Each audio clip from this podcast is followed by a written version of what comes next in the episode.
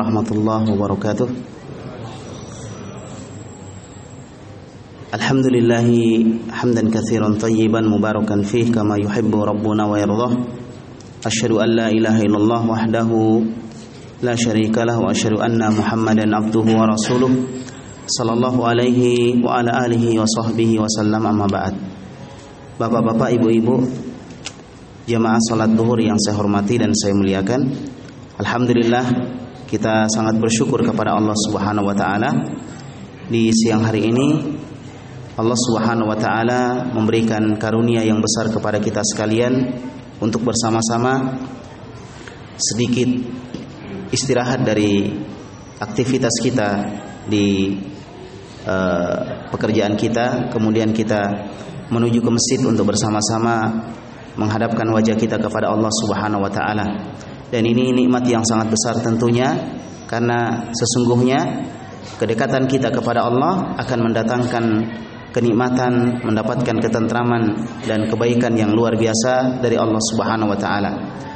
Bapak-bapak dan ibu-ibu yang saya hormati dan saya muliakan, eh, negeri kita, bangsa kita, bangsa Indonesia adalah bangsa yang sangat besar.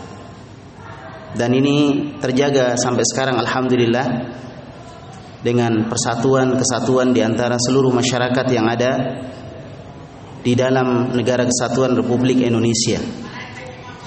Oleh karena itu, maka persatuan dan kesatuan adalah perkara yang harus dijaga.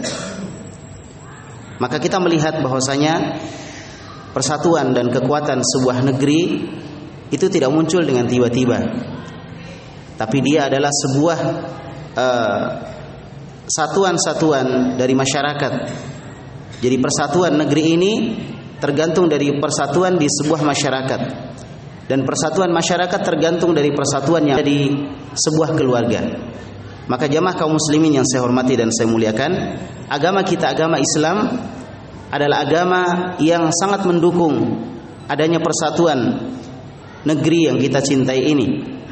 Oleh karena itu, salah satu perkara yang diajarkan dan dituntunkan oleh Nabi kita Muhammad wasallam adalah sesuatu yang bisa menjaga sebuah persatuan dan kesatuan di dalam sebuah masyarakat.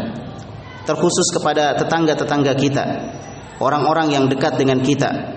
Maka insya Allah di kesempatan siang hari ini kita akan mengkaji sedikit dari bimbingan Nabi kita Muhammad sallallahu alaihi wasallam berkaitan dengan bagaimana berbuat baik kepada tetangga kita, anjuran untuk memperbaiki hubungan dengan mereka sehingga tercipta sebuah kekuatan persatuan dan ini tentunya akan membawa kebaikan untuk negeri tercinta Indonesia ini. Nah, satu-satu hadis yang disebutkan oleh Imam Muslim dari uh, Abu Dzar radhiyallahu an dia mengatakan bahwa Rasulullah sallallahu alaihi wasallam bersabda, "Idza tabakhta maraqatan fa'aktsir ma'aha." Apabila kamu memasak masakan yang berkuah, maka perbanyak airnya kata Nabi sallallahu alaihi wasallam. Wa ta'ahad jironaka dan dalam engkau menjaga tetanggamu atau membagikan kepada tetanggamu. Hadis ini sahih diriwayatkan oleh Imam Muslim. Ini satu dari sekian banyaknya bimbingan Nabi kita tercinta Muhammad sallallahu alaihi wasallam. Jadi Nabi sallallahu alaihi wasallam dalam hadis ini memberikan anjuran kepada kita, menyarankan kepada kita ketika kita memasak masakan, maka kita memperbanyak kuah dari masakan tersebut supaya kita bisa bagikan kepada tetangga kita. Jadi intinya adalah ketika seorang memiliki sesuatu yang uh, bisa mereka makan dan makanan itu berlebih bisa mereka bagikan kepada tetangga, maka hendaklah mereka membagikannya kepada tetangga mereka. Jamaah kaum muslimin yang saya hormati dan saya muliakan, di dalam agama kita Masalah pertetanggaan adalah perkara yang dibahas banyak di dalam hadis-hadis Nabi kita Muhammad sallallahu alaihi wasallam. Salah satu hadis yang diriwayatkan oleh Imam Bukhari dan Imam Muslim disebutkan oleh Nabi kita Muhammad sallallahu alaihi wasallam, "Man kana yu'minu billahi wal yawmil akhir falyukrim jarah." Siapa yang beriman kepada Allah dan hari akhir, maka hendaklah dia uh, memuliakan tetangganya. Hendaklah dia memuliakan tetangganya. Oleh karena itu, semua tetangga kita mendapatkan hak untuk kita muliakan. Apakah dia adalah keluarga dekat kita atau bukan keluarga dekat kita? Apakah dia seorang muslim atau non muslim? Semuanya berhak untuk mendapatkan kemuliaan dari kita sebagai seorang muslim. Oleh karena itu para ulama kita menyebutkan apabila tetangga kita adalah orang yang memiliki hubungan kerabat kepada kita dan dia adalah seorang muslim, maka dia mendapatkan tiga hak. Hak sebagai tetangga, hak sebagai keluarga dan hak sebagai muslim. Adapun kalau dia non muslim, maka dia mendapatkan hak satu yaitu hak sebagai tetangga kita hak sebagai tetangga kita. Inilah perkara yang sekali lagi sangat ditekankan di dalam agama kita sampai dia dihubungkan dengan masalah keimanan. Siapa yang beriman kepada Allah dan hari akhir, maka hendaklah dia memuliakan tetangganya. Jadi salah satu ciri seorang yang beriman kepada Allah dan hari akhir adalah dia memuliakan tetangganya. Dia memperhatikan tetangganya. Di kondisi sekarang ini terutama di kota-kota besar kita melihat sebagian orang sudah tidak kenal lagi dengan tetangganya. Dan ini kesalahan dan kekeliruan yang harus kita luruskan, harus kita perbaiki. Hubungan bertetangga bukan sekedar kita harus hidupkan di kampung-kampung atau di desa-desa yang terkenal dengan gotong royongnya.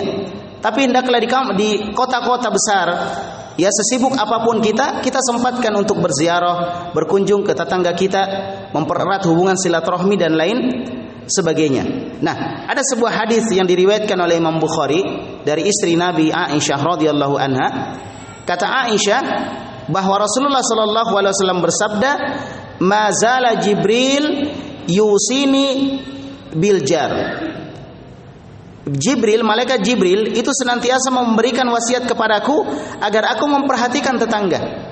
Ini Nabi Muhammad, kita kenal sebelum Nabi diangkat menjadi seorang nabi, sebelum Muhammad diangkat menjadi seorang nabi, menjadi seorang rasul, beliau sudah dikenal sebagai orang yang berbuat baik kepada orang. Setiap ada orang yang membutuhkan bantuan, beliau bantu, apalagi tetangganya.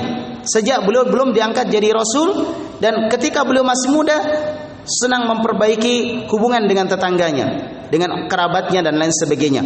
Tapi ternyata ketika beliau diangkat menjadi rasul, Jibril masih terus memberikan wasiat kepada Nabi kita Muhammad sallallahu alaihi wasallam. Sampai disebutkan mazala. Mazala artinya terus menerus. Terus menerus Jibril memberikan wasiat kepada saya untuk memperhatikan tetangga saya, kata Nabi sallallahu alaihi wasallam. Hatta dhanantu annahu sayurisuni. Sampai saya menyangka bahwasanya uh, dia malaikat Jibril ya atau tetangga saya akan mendapatkan warisan dari saya. Saking apa namanya terus menerusnya malaikat Jibril memberikan nasihat kepada Nabi kita Muhammad sallallahu alaihi wasallam untuk memuliakan tetangga kita. Jamaah kaum muslimin yang saya hormati dan saya muliakan. Kemudian di dalam hadis yang lain Nabi kita juga memberikan bimbingan dan tuntunan. Kata beliau, la yadkhulul jannah man la yu'min man la ya'man jaruhu bawa ikihi. Jadi kata Nabi Shallallahu Alaihi Wasallam tidak akan masuk surga orang yang apabila tetangganya tidak merasa aman dari kejahatan dia. Jadi kalau ada tetangga kita merasa terganggu dengan kita, tidak merasa aman dari kejahatan kita, dari kejelekan kita, maka orang tersebut disebutkan oleh Nabi Shallallahu Alaihi Wasallam akan sulit masuk ke dalam surga. Jadi sekali lagi jamaah kaum muslimin yang saya hormati, hendaklah seseorang memperhatikan hal ini, hendaklah dia memperhatikan tetangganya agar supaya Allah Subhanahu wa taala memudahkan dia masuk ke dalam surga. Lalu apa yang harus kita lakukan terhadap tetangga kita? Ada beberapa hal, ada empat yang bisa kita mungkin sebutkan di sini. Yang pertama adalah uh, tetangga yang baik hendaklah bisa menjaga kehormatan dari tetangganya. Itu seorang muslim. Dia menjaga kehormatan dari tetangganya. Jangan dia merusak kehormatan tetangganya. Ya, kalau ada tetangganya misalnya melakukan kejelekan maka jangan dia sebarkan. Jangan dia sebarkan. Iya, jamaah kaum muslimin yang saya hormati dan saya muliakan, di dalam sebuah riwayat Imam Ahmad disebutkan oleh Nabi kita Muhammad sallallahu alaihi wasallam la ayyasraqar rajulu min asyrati abiyatin aisar alaihi min ayyasruqa min jarihi. Jadi kata Nabi Shallallahu Alaihi Wasallam, jika ada seseorang pencuri di 10 rumah, maka itu jauh lebih ringan daripada dia mencuri di satu rumah tetangganya. Artinya dosa mencuri tetang apa namanya? mencuri dari tetangga kita itu lebih besar daripada kita mencuri dari orang yang bukan tetangga kita. Sama-sama dosa, tapi dosa kepada tetangga lebih besar.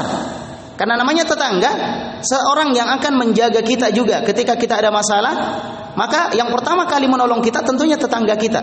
Ketika kita ada kebakaran misalnya, waliyadzubillah, tentu tetangga kita dulu yang akan menolong kita. Nggak mungkin orang dari jauh. Ketika kita meninggal, tetangga kita dulu yang berkumpul untuk mengurus jenazah kita. Ketika ada keluarga kita sakit, tetangga kita dulu yang akan melihat kita. Oleh karena itu, ketika seorang melakukan kejahatan kepada tetangganya, ya, maka itu lebih besar dosanya daripada dia melakukan kejahatan kepada orang yang bukan tetangganya. Jamaah kaum muslimin yang saya hormati dan saya muliakan. Kemudian seorang muslim hendaklah mereka memenuhi hak-hak tetangganya. Ada enam hak yang pernah kita sampaikan di pertemuan kita pertama kali berkaitan dengan masalah adab ini. Di antaranya adalah kalau bertemu ucapkan salam. Ya, ketika dia apa namanya sakit, kemudian kita jenguk. Ketika dia uh, apa namanya mengucapkan alhamdulillah ketika dia bersin kita mengatakan yarhamukallah dan seterusnya ada lima hak yang pernah kita jelaskan di dalam kajian kita di uh, siang uh, pada hari Kamis. Jamaah kaum muslimin yang saya hormati dan saya muliakan, itu hak kita berikan kepada tetangga kita. Ketemu dengan mereka ucapkan salam, ya bermuka manis kepada mereka. Ketika mereka butuh bantuan kita bantu. Ketika mereka mengundang kita, kita penuhi undangan mereka. Selama dalam undangan tersebut tidak ada kemaksiatan. Kalau misalnya diundang untuk minum minuman keras ya, tentunya kita nggak datang. Ya, karena tidak boleh mendatangi undangan-undangan yang di dalamnya ada maksiat kepada Allah Subhanahu wa taala. Kemudian hendaklah seorang muslim uh, menutup aib tetangganya.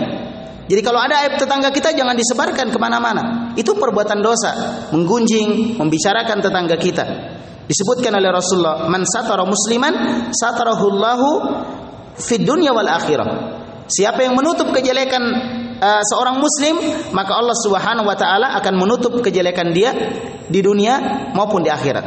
Ya, di dunia maupun di di akhirat. Kemudian salah satu perkara yang sangat indah yang diajarkan oleh Nabi kita Muhammad sallallahu alaihi wasallam yaitu hendaklah uh, apa namanya? seorang muslim tidak membalas kejelekan tetangganya dengan kejelekan pula.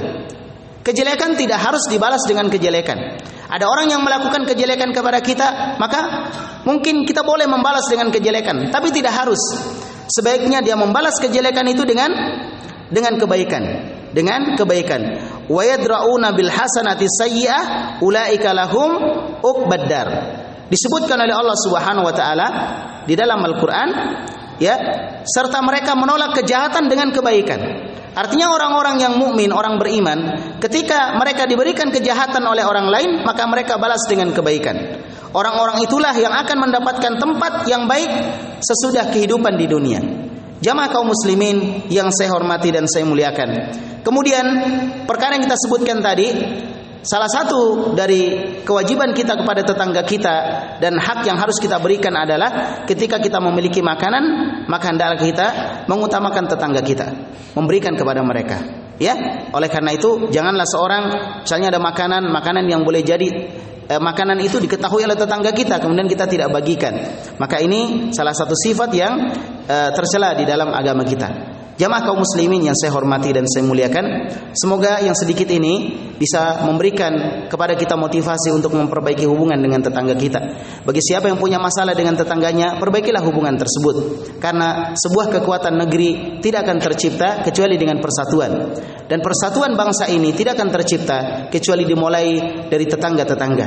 Ketika sesama tetangga memiliki kekuatan keeratan dan keakraban yang baik, maka insya Allah keakraban dan kekuatan itu akan memberikan pengaruh yang besar terhadap negeri yang kita cinta ini. Semoga Allah menjaga kita, menjaga seluruh rakyat dan bangsa Indonesia dari segala kejelekan dan semoga Allah memberikan bimbingan kepada kita untuk senantiasa berbuat baik dan memperhatikan tetangga-tetangga kita karena mereka lah yang akan memperhatikan kita ketika kita memiliki masalah dan problem-problem. Demikian yang bisa saya sampaikan, semoga ada manfaatnya. Subhanakallahumma bihamdik Asyhadu an la ilaha illa anta astaghfiruka wa atubu ilaik.